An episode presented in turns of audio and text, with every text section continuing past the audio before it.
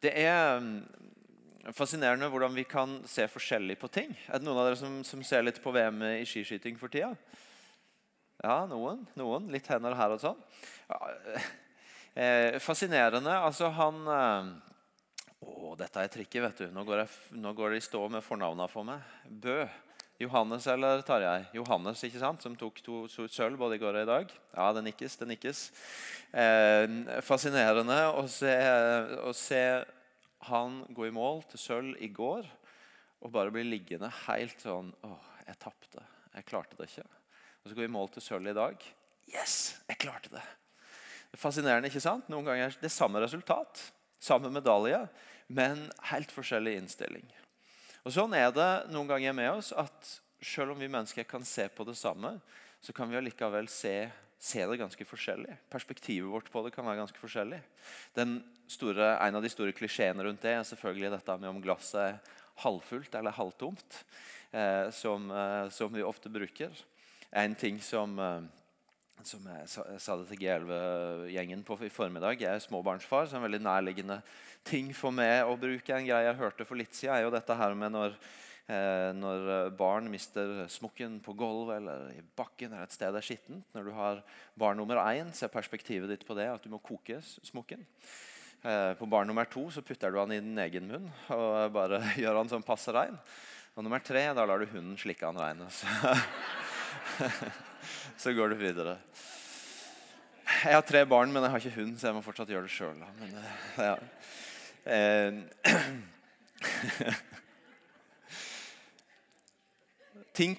det samme. Vi kan ha ganske forskjellig perspektiv på de samme greiene. Så prøv å pense meg inn fra, fra den slags anekdoter til det det egentlig er poenget mitt. Nemlig at om Jesus så står det at han ser annerledes på ting enn det mange andre gjør. Det står om han i Jesaja 11 at han skal ikke dømme etter det øynene ser, og ikke skifte rett etter det ørene hører. Han skal ikke dømme etter det øynene ser. Jesus ser. Når han ser, så ser han noe annet enn det mange andre ser. Han dømmer ikke nødvendigvis etter det han bare ser med øynene, men han, men han ser noe annet. Han har et annet perspektiv. Og I Jesaja 51 så er oppfordringa fra profeten til oss. Martin brukte dette verset forrige søndag kveld òg. Vers 6. Løft øynene mot himmelen og se på jorden her nede. Se opp, se mot himmelen, og så se på jorda her nede. Få et blikk fra himmelen på det du ser her nede, er utfordringa fra profeten, eller oppfordringa fra profeten til de han snakker til, og til oss. Og Det er sånn at det, det er forskjell på det å ha fokus på noe og det, hvilket perspektiv du har på det du har fokus på. Ofte så snakker vi om at det å fokusere det er viktig. Og jeg er en, apropos det rike indre livet, jeg er en som kan synes ofte en del ganger at jeg, jeg må jobbe for å fokusere. Fordi det er så mange ting som hodet mitt vil, vil tenke på og dra meg.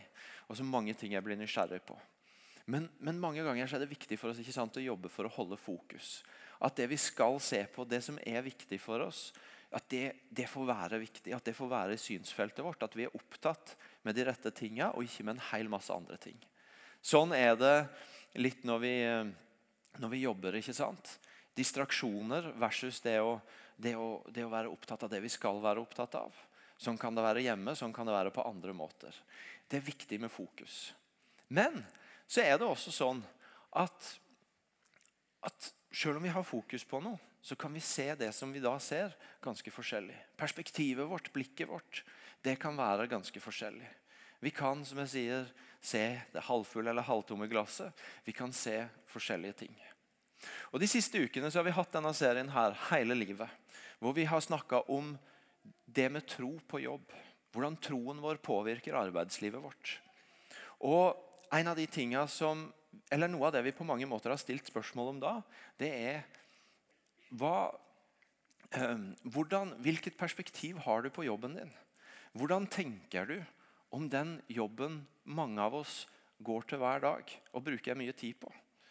Eller hvis du ikke jobber, det, det andre som fyller hverdagen din. Det som er hverdagen din, og som, og som tar mye av tida di.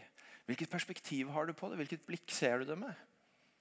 Jeg vet at jeg har møtt en del folk som, som f.eks. har sagt til meg sånne ting som at ah, Det der med jobb eh, Jeg syns det er tungt. Jeg føler ikke jobben min er så viktig. Jeg føler ikke jeg gjør noe nytte for meg.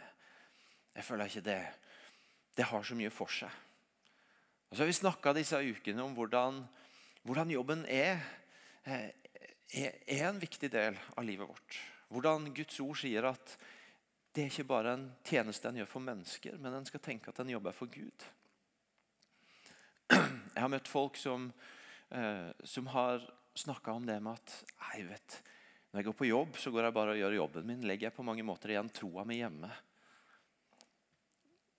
Og så, og så, tar jeg på meg den kristne maska igjen når jeg kommer til familien eller jeg kommer til menigheten. Og så har vi snakka om at kristen det er ikke noe du skrur av og på. Men er du kristen, så er du kristen. Jeg har møtt folk som har hatt dårlig samvittighet fordi at de liker jobben sin. Som har vært litt sånn Jeg vet at du egentlig vil at jeg skal bruke mer tid i kirka. Men, men jeg syns faktisk jobben min er veldig viktig. Jeg liker den veldig godt. Så jeg har lyst til å virkelig gå, gi meg til den og stå på for den og gjøre mitt beste for den. Så har vi snakka om igjen at jobben er jo en gudstjeneste. Det er ikke sånn at du må inn i kirka for å tjene Gud. Men du, du kan tenke om jobben din som det.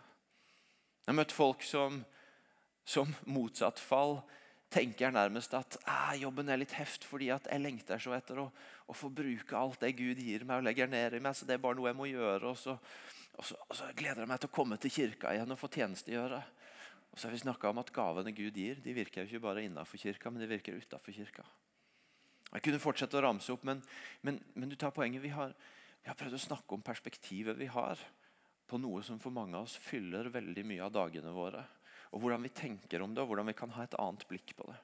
Og Samtidig så, så er ikke inngangen til denne serien at, at jeg har tenkt og vi har tenkt at, at i denne menigheten så, så syns folk flest at jobb er et heft og et problem, og noe en slett ikke tar med seg troa inn i. Nei, Tvert imot så kjenner jeg mange av dere, og jeg har allerede og jeg har hørt mange vitnesbyrd fra dere før. Og jeg har hørt blitt bekrefta bare i disse ukene her, av at mange av dere allerede lever i dette her. Ikke sant? Dere har, dere har tatt den grunnleggende greia at det, å, det livet Jesus kaller oss til, det er ikke bare et liv som sier 'kom' til kirka. Kom til oss, kom inn hit, så skal du få kjøre om Jesus. Men det er like mye et liv hvor Jesus sier gå. Gå ut der andre folk er. Gå ut til jobben din. Og lev troa di. Del troa di. Bety en forskjell der. Og Mange av dere gjør det, og jeg har hørt nydelige vitnesbyrd om det også gjennom denne, denne, disse tidene her.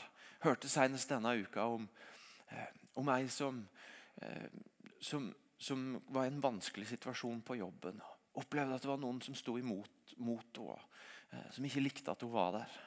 Og Så bare bestemte hun seg for å, for å vise godhet, for å lytte, for å oppsøke. for å for å være den som, som gikk etter relasjonen selv om hun møtte strengte dører. Og så, og så, snur situasjonen seg. Et annet blikk, et trosperspektiv, hvor en tar med seg det livet en har i fellesskapet. Det livet en har med Jesus, inn på, på jobben. Og så er kanskje dermed ikke bare spørsmålet Poenget er da ikke bare er jobb viktig eller ikke viktig. Skal jeg ta med troa på jobb eller ikke? Nei, jeg tror mange av oss vet det og er der og ønsker det. Men så er kanskje også like mye spørsmålet hvordan kan min tro få ha, bety en forskjell? Ha innflytelse på jobben? Hvordan kan jeg, fordi at jeg har Jesus med meg, bringe noe annerledes inn på arbeidsplassen min eller på det stedet som jeg bruker mye av hverdagstida mi? Og Sist gang så snakka vi en god del om det med å, å gå inn og tjene. At det er noe av måten Jesus viser oss å gå inn i alle settinger, også på jobben på. Det å få gå inn og tjene. Og gå under folk. Og, og vise samme sinnelag som, som, Jesus sier Paulus til filipperne. Nemlig å, å ikke eh, å, å, å, nå, nå, går jeg stå for meg. Nå skal jeg finne, finne verset her, så jeg ikke feilsiterer. Men det er Filipperne 2, ikke sant? hvor han skriver til, eh, eh, til filipperne. Og så sier han om å ha samme sinnelag som Jesus. Som ga avkall på sitt eget, tok på seg en tjenerskikkelse og blei menneskelik. Vi snakka om den forskjellen vi kan bety ved å gå inn og ha en tjenende ånd. Og så har jeg lyst til å fortsette i dag og snakke litt bl.a. nå i starten, om hvordan nettopp det med perspektiv, det med hvordan vi ser på jobben, hvordan vi ser på menneskene på jobben, hvordan vi ser på situasjoner på jobben, er en annen måte som vi kan være med å bety en forskjell på. Fordi som jeg sa, Jesus han ser med andre øyne enn mange andre i denne verden. Og Oppfordringa til profeten Jesaja det er se mot himmelen før du ser mot jorda. Få et himmelsk perspektiv, få et himmelsk blikk på ting før du ser ned på det som er virkeligheten og omstendighetene. Og jeg tror Noe av det som vi kan la oss utfordre på, på når vi skal tenke om tro og jobb, det er nettopp er, er tankesettet vårt rundt vår egen rolle, rundt kollegaene våres rolle, rundt situasjoner vi møter på jobben. Er det prega av tro og håp, eller mangel på det? Er det sånn at vi snakker for eksempel, så er det ganske stor forskjell mellom å si ah, nei, jeg går nå og gjør jobben min. Og det er min daglige gudstjeneste, så jeg går så godt jeg kan. så jeg gjør så godt jeg kan, Men jeg tror egentlig ikke det betyr så mye at jeg er der. Eller det å si vet du noe, jobben er min tjeneste for Gud. Og jeg ønsker å gå inn og gi mitt beste. Og, og, og, og jeg vet ikke om jeg alltid får alt til. Jeg, jeg vet ikke om jeg alltid er den flinkeste, men men jeg tror at ved at jeg er der, og ved at jeg har med meg Guds ånd, ved at den samme kraften som reiste Jesus opp fra de døde, bor i meg, så tror jeg at jeg bare ved å være der betyr en forskjell. Jeg tror at det Jesus sier om at dere er jordas lys og jordas salt, det gjelder for mitt liv. Så når jeg er der, så betyr det en forskjell. Jeg snakka med en denne uka som har en jobb som jeg bare fikk lov til å sitte ned og ta en kaffe med og høre hvordan han tenkte om det med å være kristen på jobben. Og han sa jeg tror jo at jeg er salt bare ved å være der. Jeg salta jobben bare ved å være der. Og Det har med å ha et sånn trosperspektiv på det. Det er forskjell på å gå inn i en situasjon hvor det er en konflikt, eller hvor det er en situasjon hvor en ikke vet hvordan en skal løse på jobben, og, og, og bare på en måte være et ekko av det alle andre sier om at det der det er bare krangel og surr, og vi vet ikke hva vi skal gjøre. Eller det å komme inn og si ja, nå er det vanskelig, og, og nå, nå, er det trøkk mellom disse her. Men, men, og, jeg, og, jeg, vet ikke nødvendigvis svaret, men jeg, men jeg tror at det fins et svar. Jeg tror at vi kan finne en vei gjennom dette. Det er noe med å bringe en tro inn som ser på de tinga, på menneskene, på en annen måte. Og jeg tror at Særlig det som det lukter tro av, og det som det lukter håp av, er noe av det som setter oss ut, og som er attraktivt for denne verden. I Romerne 15, vers 13, et vers jeg er utrolig glad i, så skriver Paulus til menigheten i Roma. Må håpets Gud fylle dere med all glede og fred i troen, så dere kan bli rike på håp ved Den hellige ånds kraft. Så dere kan bli rike på håp. Tenk det å være rik på håp. Da har du overskudd. Da har du litt å lekke rundt deg. Jeg tror for så vidt på det at om du ikke er rik, verken på penger eller håp, så kan du allikevel dele av det du har. Og så er det et Guds rike prinsipp at det får vokse. Men det er allikevel noe med å la det perspektivet være der og være rik på håp. Sånn at du har overskudd. Sånn at det er lett å bare lekke ut. Og Jeg tror at mange i denne verden lengter etter håp. Og tenk det å ha en arbeidsplass hvor det finnes noen mennesker som møter situasjoner, som møter mennesker, som har en forståelse av sin egen rolle, som bærer preg av tro og håp. Jeg vet at min jobb er høyst altså, vi, Her snakker vi jo primært om det å ta med seg troa inn i jobb på arbeidsplasser som ikke uten videre er kristne, og hvor det ikke alltid er bare kristne rundt, og hvor ikke alltid alt som er kristent, bare blir heia fram. Og jeg vet at er selvfølgelig ikke er helt i den kategorien. Jeg jobber i kirke, jeg er pastor. Jeg har bønnemøte hver dag. Men allikevel vil jeg bruke et eksempel fra min jobb som jeg mener er overførbart. Fordi at Min sjef han heter Martin. Mange av dere kjenner han. Han står ofte her. Og Jeg har masse fint å si om Martin og det å få jobbe med han. En av de tingene som jeg er utrolig takknemlig for med å ha Martin som sjef, det er at han er en mann som bærer mye tro og håp. Han er en mann som ofte løfter blikket og ikke ser, det jeg noen ganger kan, fordi at ting er utfordrende, eller jeg vet ikke hva jeg skal gjøre med det, så kan jeg, så kan jeg på en måte dette nedpå. også. og, så, Og så vet jeg ikke hva jeg skal gjøre med det. Eller så tenker jeg at nå får jeg bare skyte på en måte skuldrene sammen og, og jage meg gjennom dette her. Så er Martin en som er utrolig flink til å holde høydeblikket. Til å se først mot himmelen og så på greiene, og så, og så bære håp og tro inn i situasjonene. Og det kan jeg si at det å få jobbe nært på en som bærer mye tro og håp, det betyr så stor forskjell i min arbeidshverdag. Noen ganger så, så er det å bare få komme inn og, og, og sitte på kontoret hans og, det, og, og, holde på med å snakke gjennom noe med han. Og Det trenger ikke være at, at vi løser det som jeg er utfordra av. Det trenger ikke være at han sier hva jeg skal gjøre. Men bare det å få være rundt en som bærer mye tro og håp, det gjør noe med meg som gjør at å, jeg kan komme ut igjen og så ser jeg litt annerledes på det. Og jeg tenker Tenk hvis det på massevis av arbeidsplasser i vår by så finnes det noen kontorpulter, noen kontor, noen kolleger hvor folk bare merker og Det er ikke sikkert de har språk for det engang, men de bare merker at ah, her er det noen som ser ting annerledes. Her er det noen som bærer en tro, som bærer et håp. Som har overskudd av håp i møte med ting som utfordrer. Som klarer å se den personen alle andre har sett seg i lås på, på en annen måte. Som klarer å tro en løsning der ingen veit. Tenk for en rikdom det måtte være på arbeidsplasser å ha sånne mennesker som bærer tro og håp. Og jeg tror at det er en av måtene vi kan få bety en forskjell på på våre arbeidsplasser. Jeg tror, ikke, jeg tror at kvalitet er av Gud. Og jeg tror at noe av det som skal ligge i en kristen, en, en disippel av Jesus sin arbeidsetikk, er å alltid ønske å gjøre sitt beste der en er. Men jeg tror ikke nødvendigvis det er sånn at fordi at du tror på Jesus og har Den hellige ånd i deg, så er du alltid den som er flinkere enn alle andre i jobben din.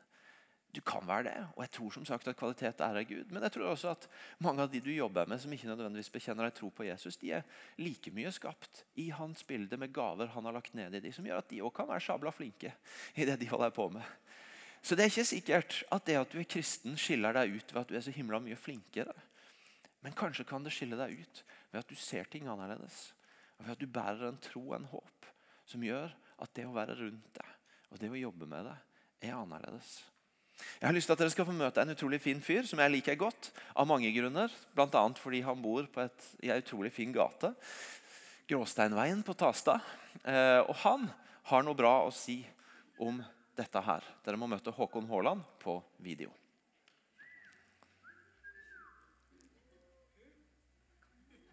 Jeg er homo. Jeg er 25 år gammel. Jobber som gartner på familien sitt hagesenter. Eh, jeg er gift òg, eh, med verdens flotteste dame, etter min mening. Hun Sara. Definitivt min, min bedre halvdel. Et godt minne jeg har fra gartneriet, var da jeg var ti år. Så gikk jeg og flytta fra Trelleborg. Fordi du har jo bare lyst til å dilte etter det pappaen din gjør. Og da kjente jeg liksom Nei, jeg har lyst til å bli flink, for jeg har lyst til å hjelpe far min. Det som er så spennende med å jobbe på hagesenteret, er at vi er forskjellige folk. Det å samle åtte stykk fra forskjellige land og kulturer sammen om, én idé, en visjon, det er både spennende og samtidig utfordrende. Jeg kunne jo bare ansatt folk som var prikk like meg, eh, men det hadde jo egentlig bare blitt masse ideer. Og så gjør vi disse ideene, og så er det ingen som liksom holder oss igjen og får oss til å tenke. da. Eh, og det er det som er så vakkert med å ha denne forskjellen i folk. Jeg ble kristen for eh, nå tre og et halvt år siden. Eh, og eh, for å gjøre en lengre, flott historie kort, så ble jeg møtt av en sånn radikal kjærlighet som, som sier 'Jeg elsker deg for den du er'. Og etter jeg hadde vært kristen i to-tre uker, så spente Gud meg inn på Akta bibelskole. Det jeg lærte, var jo at jeg kunne se folk gjennom Guds øyne ikke gjennom mine øyne. Fordi når vi ser på folk, så er det ikke alltid sånn som Gud ser på dem. Og det er definitivt noe jeg tok med meg videre. Eh, det er jo ikke alle folk som er like lette å like. Men når du får det fra Guds perspektiv, så hjelper det. Jeg har jo mottatt eh, en så stor kjærlighet sjøl at det er vanskelig for meg å liksom holde den bare for meg. Jeg deler jo alltid de gode opplevelsene jeg har. Eh, Så hvis jeg er på en god restaurant, så får jo folk høre om det dagen etterpå. Og det samme gjelder jo også selvfølgelig tro mi. Fordi det handler jo ikke bare om, om en søndag, men det handler jo om hele livet. Jeg deler egentlig tro med å være et, eh, både et eksempel, så godt jeg kan, eh, og det å, det å be for folk, og det å anerkjenne hverandre. For i en verden som vil trykke deg ned, så er gode ord en oppløfter. For meg så, så er det ganske enkelt å snakke om tro, fordi det er en ting som følger meg så veldig.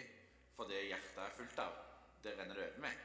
Og det kan være så enkelt som å stoppe opp og si hei til en person. Eller om det å gi den en ekstra klemmen på vei ut døra. Det trenger ikke alltid være disse store handlingene. Jeg er med og driver ei huskirke der fokuset er på å nå ut til nye og de som ikke har en plass å gå. Og det, det er veldig givende. Det å ha med folk som ikke tror i huskirka, det, det er fantastisk spennende. Det er så gøy. Det å få lov å følge dem på denne turen mot, mot Jesus og se den prosessen, det er, det er ikke noe som hindrer oss, men det er noe som heller skuer oss framover. Det å leve misjonalt er jo ikke noe du gjør, men det er noe du lever. Det er jo bare å begynne å snakke med noen. Om du er på en kafé, om du er på en fest, eller om du er på Kvadrat. Du er kirke. Jeg kan jo få vise nåde pga. nåde gitt meg. For jeg vet jo det at eh, når Gud har gjort så mye for meg, så er det definitivt håp for alle dere andre.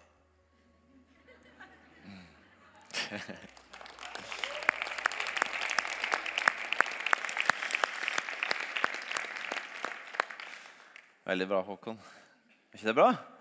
Ja, det er så bra. Få se et annet blikk. Få se med Guds øyne. Se at oi, det er bra at folk er annerledes enn meg. Hvis ikke så, så er det ingen som holder igjen.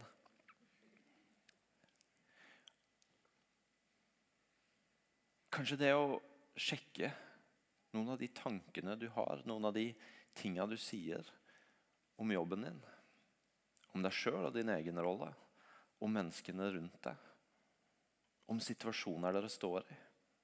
Og teste litt. Lukter det tro? Lukter det håp av dette? Eller lukter det mismot? Mangel på tro? Lite håp?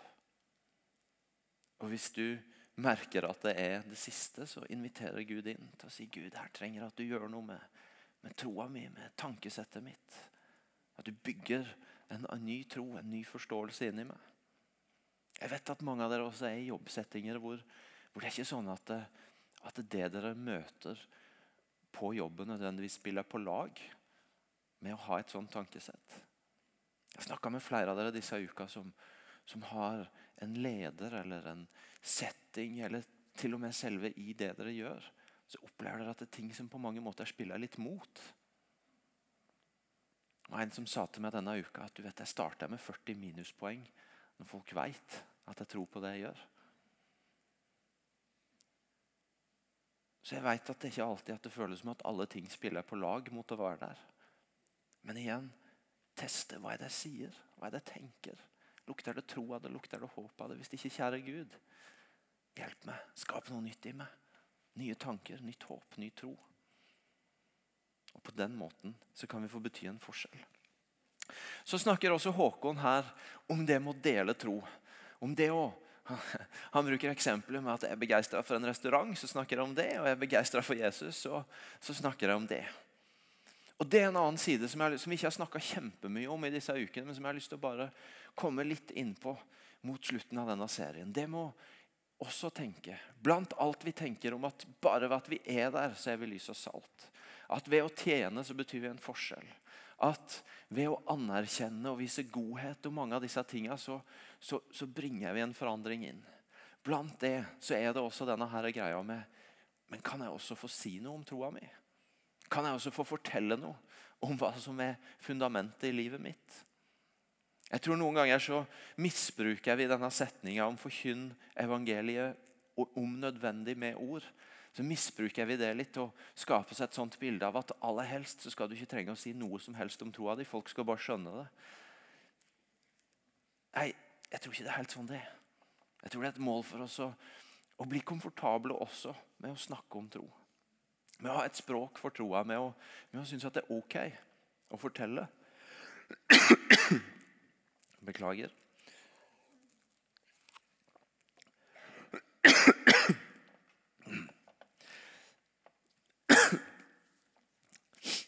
Jeg er der snart. Yes. Vi trenger å kunne snakke om tro. Jeg tror ikke det er et mål å bare Se her, vet du. Oi, her er opptil flere tilbud. Veldig bra, altså. Tusen takk. Jeg beklagde I formiddag så beklager jeg stemmen min for G11. Så jeg føler jeg høres ut som min far. Han har sånn veldig dyp stemme. Så når vi, eh, når vi uh, gifta oss, så sa Hildegunn jeg har ikke register til å ta inn stemmen til far din. Så, så, så, jeg håper dere i hvert fall får med, får med dere hva jeg sier. Dere har register til det. Um,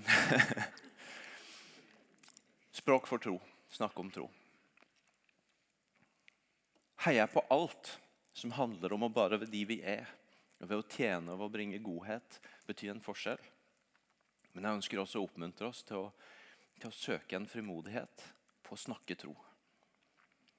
Og jeg tror Det første som er å si om det, det er noe som bl.a. Kristin sa i vitnesbyrdet sitt siste uke. Når Hun om, sa at på, hun, hun, hun, var lærer. For du som ikke var her, så er hun lærer. Hun snakka om at hun var med på alle disse sosiale tinga som foregår. Avslutninger og lønningspils og andre sammenkomster.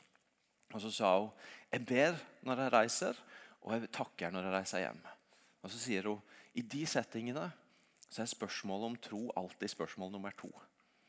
Når jeg møter opp på de arenaene hvor en senker skuldrene, hvor en har en litt annen setting, så sier hun spørsmål nummer to det er tro. Og I løpet av denne uka så har jeg snakka med ganske mange andre i menigheten som sier ja, det er sånn det er. Hvis jeg møter opp, hvis jeg er på arenaen, hvis jeg stiller på de stedene hvor folk senker skuldrene, og det er en sånn sammenkomst, så kommer spørsmålet om tro ganske raskt. Og Derfor så tror jeg punkt én for å få snakke om tro det er rett og slett bare å møte opp. Møte opp på arenaene, være på de stedene. Og så tror jeg det er ganske mye som kan gå av seg sjøl på den måten. Men så har jeg også lyst til å, at vi skal ta med oss i noen minutter noe av det Paulus skriver. Vanskelig å spise og snakke. Um, fordi Paulus han, han satt bl.a. i fengsel. Han er jo den store misjonæren ikke sant? som reiste rundt og forkynte evangeliet, men som også havna i fengsel. Og eh, Sist søndag på G11 så snakka jeg om, fra Filippebrevet om hvordan han i Filippebrevet skriver om hvordan han For det om han er satt i fengsel, forteller om at, han, om at det blir brukt til noe godt. At han får dele troa si der han er. Og Igjen så er det perspektivet. ikke sant? Han, han eh, han kunne jo synes at det var blodig urettferdig. Han kunne snakke om motgangen, om uretten i det. Men det han snakker om er vet du, dette har tjent til det gode, for jeg har fått delt troa mi her òg. Evangeliet har fått en plass i fengselet òg. Og I brevet til kolosserne, så, etter å ha skrevet mye annet mot slutten, så, så er Paulus igjen Han skriver det brevet òg når han sitter i fengsel. Og igjen så er han inne på dette perspektivet av at der han er, i den settingen han er, så får han en mulighet til å dele tro. Og Han skriver til kolosserne Vær utholdende i bønn, våk og be med takk til Gud. Be også for oss at Gud må åpne en dør for ordet, så vi kan forkynne Kristi mysterium, det som jeg nå er i fengsel for. Be om at jeg må tale slik jeg skal når jeg gjør det kjent. Be om at Gud må åpne en dør for ordet. Jeg syns det er så oppmuntrende og så frimodiggjørende og så mange muligheter for oss i å lese at Paulus, den store misjonæren, sier dere må be for meg om at Gud skal åpne en dør for ordet der jeg er nå. For Paulus han er jo den store misjonæren. Som type så er han jo altså både i, i den rollen han spiller i kirka, så er han jo en som reiser rundt overalt og forkynner evangeliet og planter nye menigheter. Og Bare som personlighet så merker du jo at Paulus er ikke av den veldig beskjedne typen. Før han ble kristen, så reiste han rundt og snakka mot kristen tro og, og, prøvde å holde folk til rett, rett jøde, jødedom. Og, Og I brevet hans så, så merker du at han er en ganske frittalende type som, som, som ikke går av veien for å legge ut det han tenker om både det ene og det andre. Paulus er ikke en sjenert type menneskelig talt, og åndelig talt så er han en frimodig type. Og Likevel så sier han dere må be for meg om at Gud skal åpne ei dør for ordet. Og da tenker jeg, Dette med å snakke om tro, dette å dele tro på jobb Jeg vet at For en del av oss så, så blir det lett en litt sånn skamgreie. å, jeg får det ikke til, Litt dårlig samvittighet, litt følelse av ikke mestre. Jeg vet ikke hvordan jeg skal gjøre det. Så tenker jeg, Hvis Paulus trenger at noen ber om at det må åpne seg dør for ordet, så trenger kanskje ingen av oss heller å skamme oss over om vi også trenger at noen ber om at døra må åpnes for at vi skal få dele. Da er det, da er det antakelig greit at vi òg er i den situasjonen. Og Det betyr at ved siden av å møte opp, så er noe av det viktigste er du gjør, det å sjøl be, må også få andre med på å be. Gud, åpne ei dør for ordet her. For det er så utrolig tungt hvis vi skal bruke kraften vår på å åpne den sjøl. Det er så mye lettere hvis du åpner døra, og vi kan få dele inn i det. Huskirkene, for de er også med der, bruker tid på å be for hverandre om at Gud må åpne ei dør for ordet i de settingene vi er i. Forbønn her på søndagene. Jeg vet ikke om du tenker at du helst må være syk eller stå i en vanskelig situasjon eller en konflikt eller et eller annet for å gå til forbønn. Nei. Du kan godt gå til forbønn og si jeg har en jobb. Jeg har lyst til å bety en forskjell der. Jeg har lyst til å få dele tro der. Kan du be for meg om at Gud kan åpne ei dør for meg? For jeg syns det er vanskelig å åpne døra sjøl. Det er sikkert lett å tenke at ja, ja, bønn det tar vi med i alle ting vi snakker om. For det er jo fundamentet i det vi gjør. Men, men nei, her står det veldig spesifikt. Paulus trenger at det bes om at det åpner seg dør. Og Da trenger jeg og du det òg. Så la oss bruke tid på å be for kollegaene våre. La oss bruke tid i huskirkene på å be for hverandre. La oss søke forbønn om en frimodighet og om at Gud må åpne ei dør for ordet. Bønn som så utrolig viktig. Og Så sier han, gå fram med visdom blant dem som står utenfor, og bruk den dyrebare tiden godt. La alt dere sier, være vennlig, og la det ha salt og kraft. La alt dere sier, være vennlig i en engelsk oversettelse, en ny engelsk oversettelse, som når jeg oversetter den tilbake til norsk igjen Eller ikke tilbake til norsk, for den har for så vidt aldri vært norsk. Vært, så, blir det, så står det at la orda dere sier, være dynka i nåde. Det gir et perspektiv på hva du skal få bringe inn. La de være dynka i nåde. La alt dere sier, være vennlig.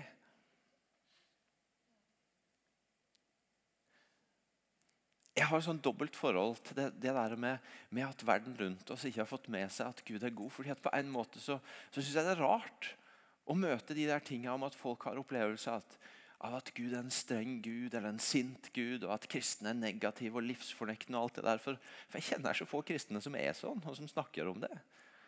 Og Samtidig så registrerer jeg at det er noe av det som lever med oss. Og Senest nå nylig i Aftenbladet så var det en av kommentatorene der som, som hadde funnet prøven sin fra 1978, når han gikk på grunnskolen, og skrev i svaret på kristendomsprøven vi ber her om at Gud må verke oss og hjelpe oss, så ikke djevelen, verden og vårt eget kjød får lokke oss til vantro, fortvilelse og andre synder. Og når vår siste time kommer, gi oss å dø salig bort fra denne verden og ta oss til seg i himmelen. Så skriver læreren 'meget bra, du leser leksene'. Sånn perspektiv av det skumle, av det farlige rundt. Det er antakelig flere som har møtt det enn jeg kommer på. Det lever mer av det der ute, men er det ikke da så flott at det mandatet Paulus gir oss, det han vil, at legge innover i det La det være vennlig, la det være dynka i nåde. La det være orda som kommer til andre. La det være inngangen når du, når du møter et annet menneske. Så tenk mm, hvordan kan jeg komme med nådeord inn i dette? Hvordan kan de orda jeg gir til dette mennesket, være dynka i nåde? Selv om det er fra Guds ord, selv om det er sannheter. Og Så sier han samtidig la de ha salt og kraft. Så ikke, ikke runde av. Ikke vann det ned. Ikke, ikke la det bare være vanlig, vennlig visvas. Men, men, la det ha salt og kraft. La det ha Guds ord og løfter i seg. La det ha en frimodighet i seg. Sånn at det har salt og kraft, men la det være dynka i nåde. Og så sier han til slutt så dere vet hvordan dere skal svare hver enkelt. Så dere vet hvordan dere skal svare hver enkelt. Ja, da skjønner vi jo at Paulus òg har det perspektivet at, at det å fortelle andre hvis, hvis, Gud åpner døra for evangeliet, og vi får dele noe inn, så er ikke det å, å dele en, en, tale vi har øvd inn, og, og, som du enten har imitert fra en annen taler du liker, eller, eller pugga godt inn. Og så sier du det samme hver gang. Men det er vel så mye å lytte seg inn på. Oi, hva er Guds ord til denne personen? Sånn at du kan få vite hvordan du skal svare hver enkelt. Oi, igjen så er det noe med hva er Guds rolle i dette? Hellig ånd, hvilke ord er det du gir meg til denne personen? Og Det betyr at like mye som ta, mer, mer enn talen, så er det samtalen. Hvor like viktig som det du sier, er det du hører. Hellige ånd, hva er det dette mennesket sier nå? Hva er hjertet? Hva er det som, som ligger under disse spørsmålene, under disse ordene, under spørsmål nummer to? Og Hellige Ånd, hjelp meg å, å se hva er ordene jeg skal få gi inn. La meg få svare ikke bare generelt, men hver enkelt. Med det du vil gi. Fantastisk perspektiv. Nådefullt perspektiv. Fordi igjen så tar det oss ikke tilbake til hvor gode eller dårlige vi måtte være på å kommunisere kristen tro. Men det inviterer oss inn i en dialog både med menneskene, kollegene, de vi har rundt oss, og med Den hellige ånd. På hva er det som skjer her? Hva er det som sies her? Hva er det du vil si her? Og Så kan det få være premisset for å snakke om tro. Jeg har lyst til å bare invitere oss alle til å ha et perspektiv på jobben hvor, hvor vi hele veien lytter etter Gud. Gi meg tro og håp og bringe inn der jeg jobber. Og Gud, åpne ei dør for evangeliet, sånn at jeg kan få dele noe av det du har på hjertet. For de jeg jobber med, og for de jeg møter i hverdagen min. Skal vi reise oss opp og be sammen?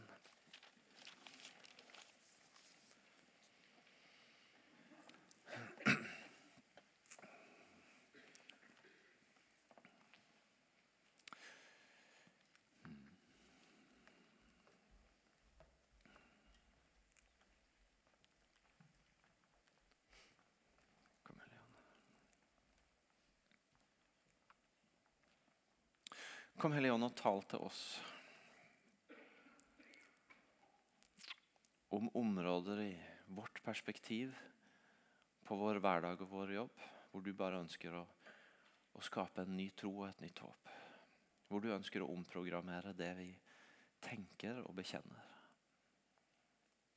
Hvor du ønsker å utfordre de kreftene på jobb eller i oss sjøl som, som, som drar perspektivet ned.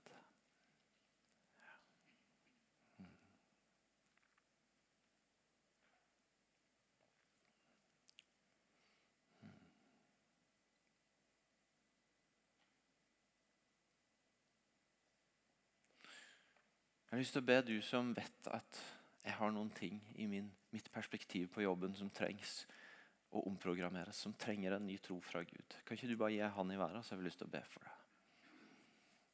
Mm. Ja. Mm. Ja. Kjære Jesus, du ser alle de brødrene og søstrene som nå har gitt til kjenne at ah, jeg trenger hjelp fra deg. Jeg trenger nye tanker fra deg. Jeg trenger ny tro fra deg. Jeg trenger nytt håp fra deg. Kom og skap det. Kom og plant det, Jesus. i dem. Gi dem nye tanker her og nå. Som bare får leve inn i en ny arbeidsuke. Om hvem de sjøl er. Om hvem menneskene rundt de er, om de situasjonene de står oppi, og hvem du kan være inni det. Skap tro. Skap håp. Skap frimodighet, Jesus. Så jeg har lyst til å spørre om du som vet at jeg trenger at noen ber om at Gud åpner ei dør. For jeg ser ikke døra åpen, og jeg klarer ikke å åpne den sjøl. Så kan du òg gi ei hånd i været, og så har jeg lyst til at vi ber spesifikt for du òg. Ja. Mm. Jesus igjen, så du ser, du ser brødre og søstre her som, som ønsker å se ei dør åpna. Som bekjenner at 'jeg har lyst til å være med inn døra'. 'Jeg er klar til å gå inn døra', men jeg trenger at du åpner den. Jesus, åpne døra. Åpne ei dør for evangeliet på de arbeidsplassene disse menneskene er på, eller de situasjonene de er i. Sånn at de kan få gå inn og dele av det du har på hjertet. Hmm. Kom Hellige Ånd og led dem når de går inn døra. Og gi de orda, vennligheten, orda dynka i nåde. Men også saltet og kraften. Sånn at de vet hva de skal svare hver enkelt. Jeg ber deg om mange spørsmål nummer to for disse menneskene. Mange spørsmål nummer to. Hvor du, Hellige Ånd, bare veileder dem.